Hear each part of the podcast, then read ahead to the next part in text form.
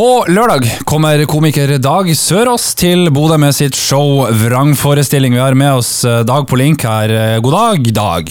Hallais, sør. Hallais. Du, eh, hvor det går? Du, det går eh, relativt greit, vil jeg vel tørre å påstå. Eh, glad og fornøyd med at eh, ting ser ut til å gå eh, tilbake til normalen igjen, Ja. som det så fint heter. Så eh, jeg har vel minimalt å klage på i den forstand. ja. Jeg ser showet ditt egentlig skulle være i Bodø i mars, men så ble det utsatt pga. korona. Har det betydd at du har fått mye tid på å øve på det showet, eller? Eh, Gudene skal vite at jeg har nok tid på å øve på det. Jeg starta turneen i fjor, september i fjor, og da var jeg innom Bodø en tur også.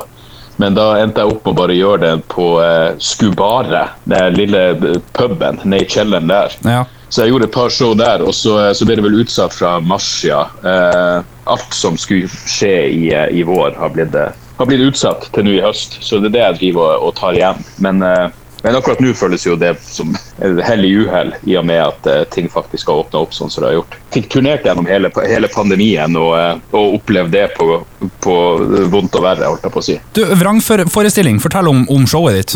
Nei, det er det nyeste, det nyeste materialet mitt. Jeg tror Det er, ja, det har forandra seg ganske mye. men I starten så hadde jeg selvfølgelig masse pandemiprat, og nå har jeg en følelse av at det er det siste folk har lyst til å høre så jævla mye om.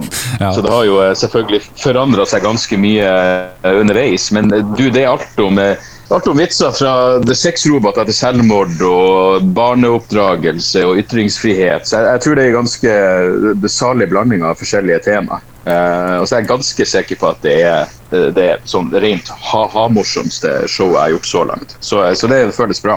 Uh, Du har med deg support. Eh, Har du lyst til å si noe om det? Ja, det er rett og slett Det skulle være noe eh, samisk, eh, samiske dager eller et eller annet arrangement i Bodø som eh, som ble avlyst. Så hun Isalill, som jeg hører veldig mye positivt om, og som jeg sto med på eh, sånn Latter live-innspilling eh, tidligere denne måneden eh, ja, spurte om Noen spurte om hun kunne være support for å gjøre opp for at hun ikke fikk være med på eh, det showet som ble avlyst. Og da tenkte jeg ja, selvfølgelig, det er bare å kjøre på. Jeg hører jo veldig bra ting om henne fra, fra andre komikere i Nord-Norge, og det er jo alltid hyggelig å se ja, noen med mer eller mindre samme dialekt eh, som, eh, som meg sjøl slå seg frem. Så, så hun skal gjøre en en ti minutter før, før jeg kommer på. Så, så jeg ser frem til å se det sjøl. Men det er jo vanligvis på turné så er det bare jeg og lydmannen som reiser rundt, og vi eh, blir relativt lei av eh, trynet trynet til hverandre etter hvert, så det er det hyggelig at noen som kan bryte opp det monotone i den forstand. Og så er det jo noen andre. Det, det blir gøy å høre noen andre komikere prate før jeg skal på scenen, så det tror jeg blir tipp topp.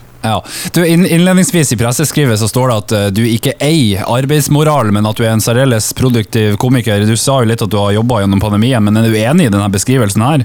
Ja, det stemmer vel. Jeg har jo ikke noe særlig arbeidsmoral, men samtidig så blir jeg utrolig fort lei av mine egne vitser. Så derfor, eh, og det er jo en bra ting i forstand av at da, da skriver jeg mye nytt. Eh, Så det er vel det det refererer til. Men, men arbeidsmoral jeg mener, Hvis jeg hadde arbeidsmoral, så burde jeg funnet meg et annet yrke enn det her. Som handler om nettopp det å unngå ordentlig arbeid. Men, eh, men jeg skriver mye materiale, det gjør jeg, og jobber vel hardt i den forstand.